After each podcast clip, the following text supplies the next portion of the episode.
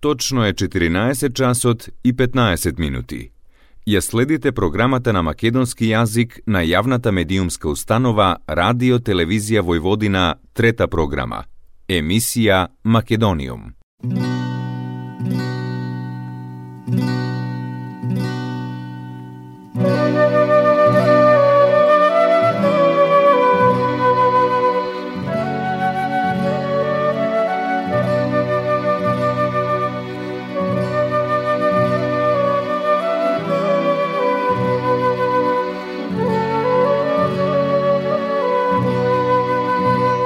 Добар ден и добре дојдовте во најновото издание на емисијата Македониум. Со вас, почитувани слушатели, е вашиот уредник и водител Јулијана Милутиновиќ, секоја среда со почеток во 14 часот и 15 минути на фреквенцијата на третата програма на радиото.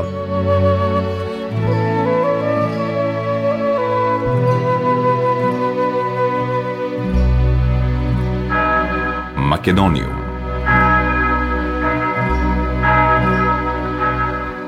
Со проекцијата на филмот на српскиот режисер Стефан Арсенијевиќ, Страхиња Бановиќ, As Far As I Can Walk, вечерва на 27 октомври во Скопското кино Милениум, во 20 часот почнува шестото издание на меѓународниот фестивал на дебитантски и втори филмови.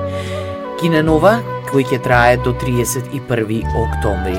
На свеченоста ќе биде доделена наградата за особен придонес во филмската уметност на актерот Мето Јовановски. Во чест на лауреатот на Киненова ќе биде прикажан филмот Тетовирање на Столе Попов. Јовановски се појавува во над 60 на филмски и телевизиски наслови. Неговите незаборавни улоги се во филмовите Најдолгиот пат, македонскиот дел од Пеколот, Црвениот конј, Пред дождот, тетовирање, време води, пресуда, оловната брикада.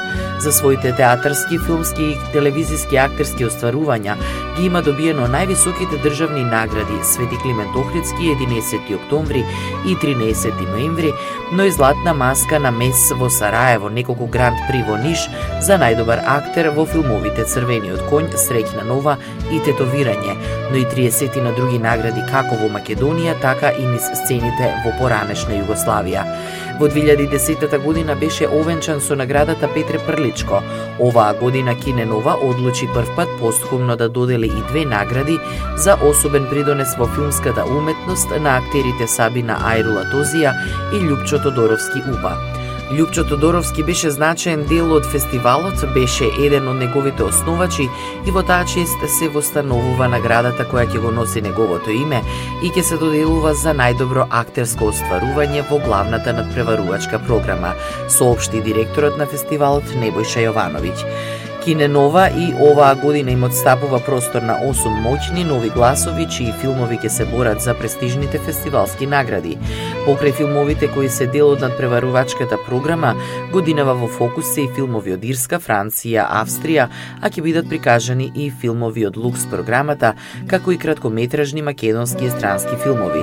Фестивалот оваа година повторно се враќа в кино, поточно од денеска до 31 во месецов во Кино Милениум и Кинотека.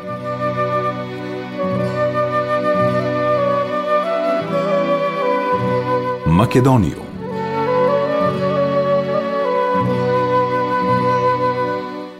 Со промоцијата на книгата Антонио Митрикески хроника на еден филмски сон, денеска во 12 часот во кинотеката на град Скопје беше одбележан светскиот ден на аудиовизуелното наследство. Книгата е комбинација од монографија, биографија, мемоарска проза и критички осврти.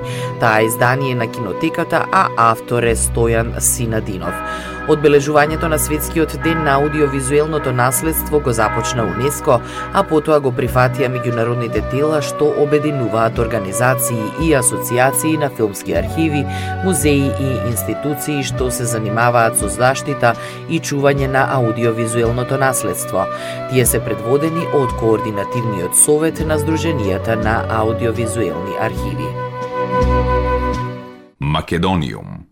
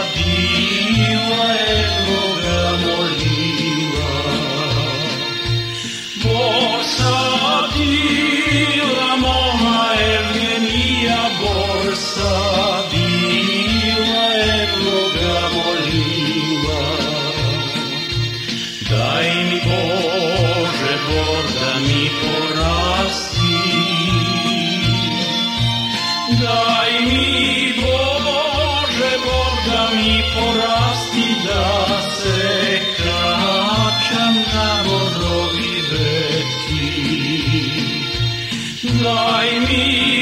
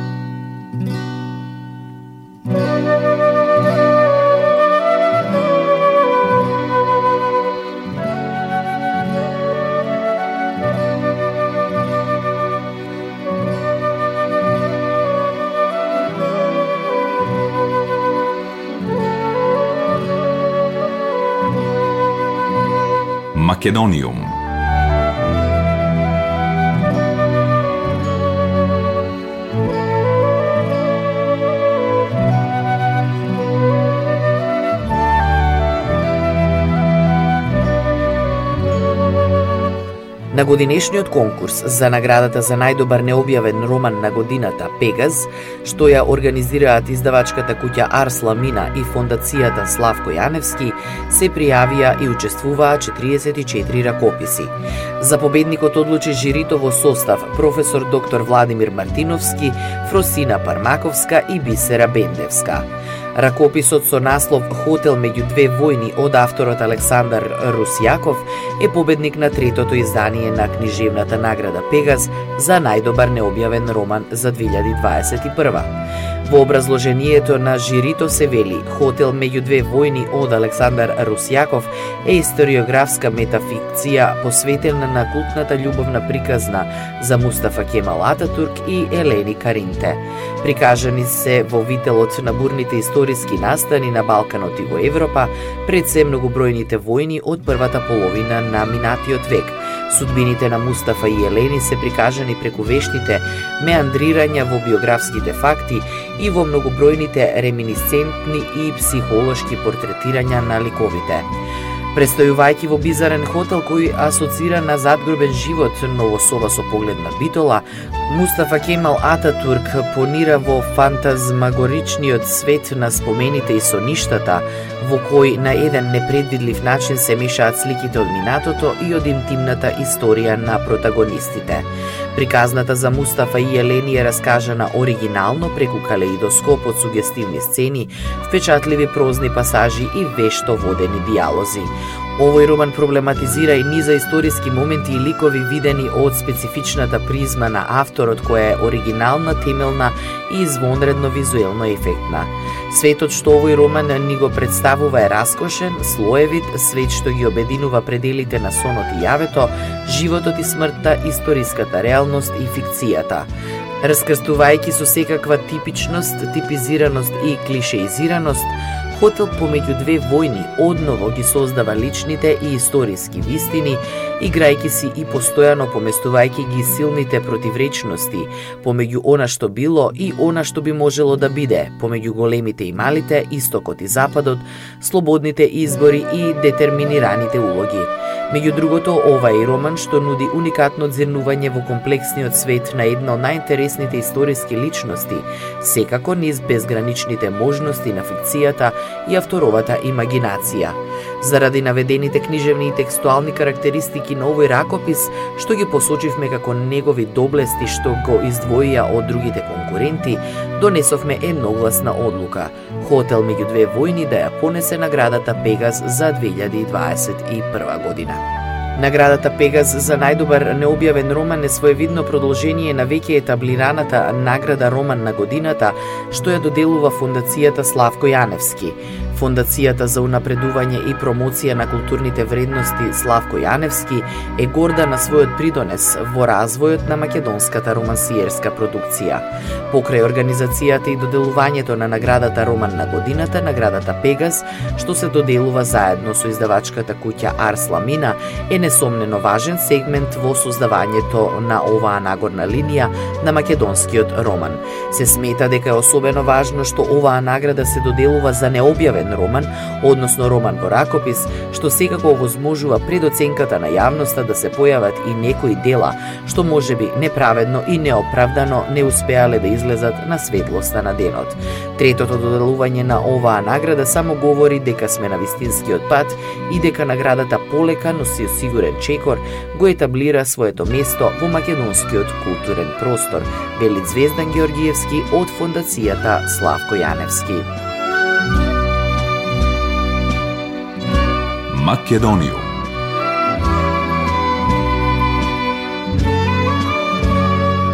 На маргините на првиот ден на Белградскиот безбедносен форум, вице-премиерот Никола Димитров вчера имаше средба со генералната секретарка на Советот за регионална соработка Мајлинда Брегу. Главен фокус на состанокот беше ставен на унапредување на регионалната соработка како механизам за европеизација на регионот и придвижување во процесот на европска интеграција.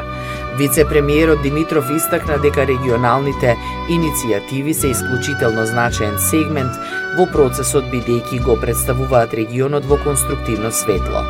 Тој е рече, регионот треба да делува на начин што ќе испрати порака дека со членството во Европската Унија ќе испорача повеќе решенија од колку проблеми, ориентираност кон иднината наместо кон минатото. Поврзувањето на земјите од регионот и заемната поддршка за остварување на целите и интересите носат директни бенефити за граѓаните, но се и важен стратешки чекор во исполнување на заедничката определба за европска иднина. Генералната секретарка Брегу нагласи дека европската интеграција на регионот е крајната визија на активностите на Советот за регионална соработка и го посочи придонесот на Северна Македонија за просперитет и стабилност во регионот, што мора да биде валидиран во контекст на процесот на пристапување, бидејќи испраќа важна порака кон останатите земји. Состанокот послужи за пресек на напредокот на Западен Балкан и исполнувањето на стратешките цели на Советот за регионална соработка како платформа за реформска трансформација на регионот, како и статусот на конкретните проекти. Беа дискутирани и на одите од последното издание на Балкан Барометар 2021 објавено во јуни.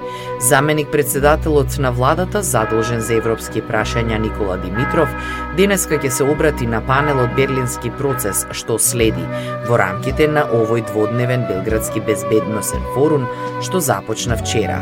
Тој заедно со представниците на Европскиот парламент и Think Tank секторот ќе се осврнат на актуелните прашања во врска со резултатите од Берлинскиот процес и исполнувањето на очекувањата, како и идните можности за искористување на оваа платформа за регионална соработка и европска интеграција на регионот, соопштува секретаријатот за европски прашања.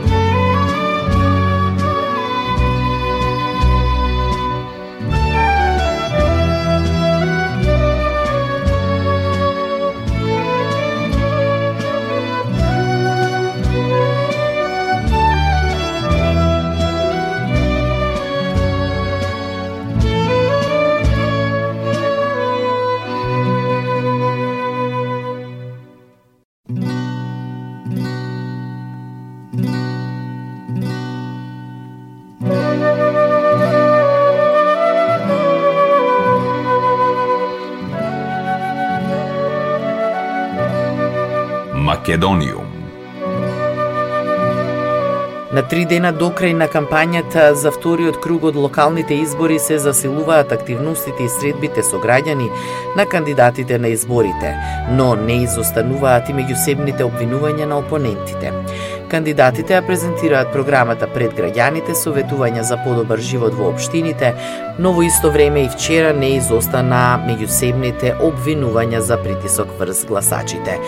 Во недела на локалните избори повторување на гласањето од првиот круг ќе има на две избирачки места, во Дебар за градоначалник и во Шуто Оризари за членови на Советот. Управниот суд го поништи гласањето во овие две избирачки места, откако тужби до него за одлуките на Државната изборна комисија по приговорите поднесоа Алијансата на албанците и Алтернатива и Движењето Одлучно за Македонија, предводено од Дом и ЛДП. Во вториот круг од локалните избори што ќе се одржи в недела на 31 октомври, ќе се гласа во вкупно 44 општини, а гласање нема да има во Маврово Ростуше и Центар Жупа, бидејќи не беше исполнет законскиот цензус за гласање да излезат најмалку една третина од запишаните гласачи од избирачкиот список. Државната изборна комисија ќе извести владата, а потоа во согласност со Законот за локална самоуправа ќе се организира повторување на гласањето.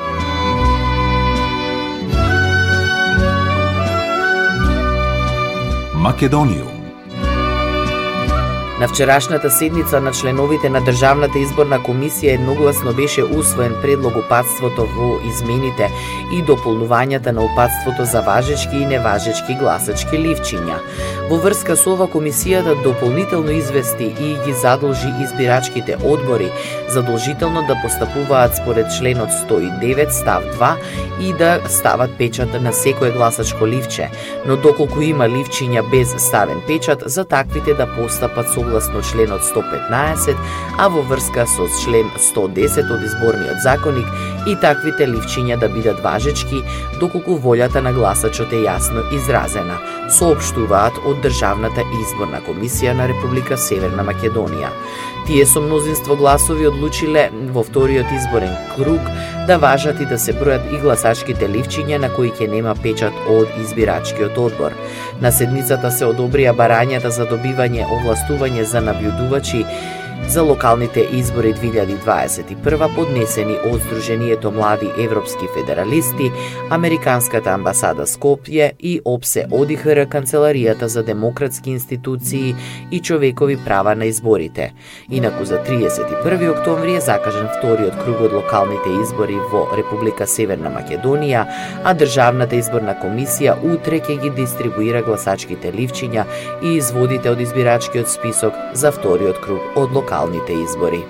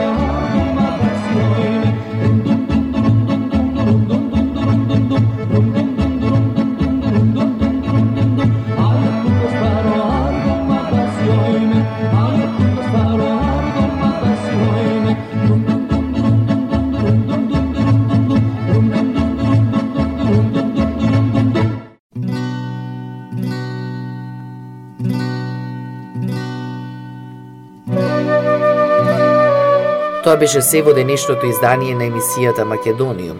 До следната среда во исто време срдечен и голем поздрав од вашиот уредник и водител Јулијана Милутиновиќ. Ја следевте програмата на македонски јазик, емисија Македониум. Главен и одговорен уредник Воин Поповиќ.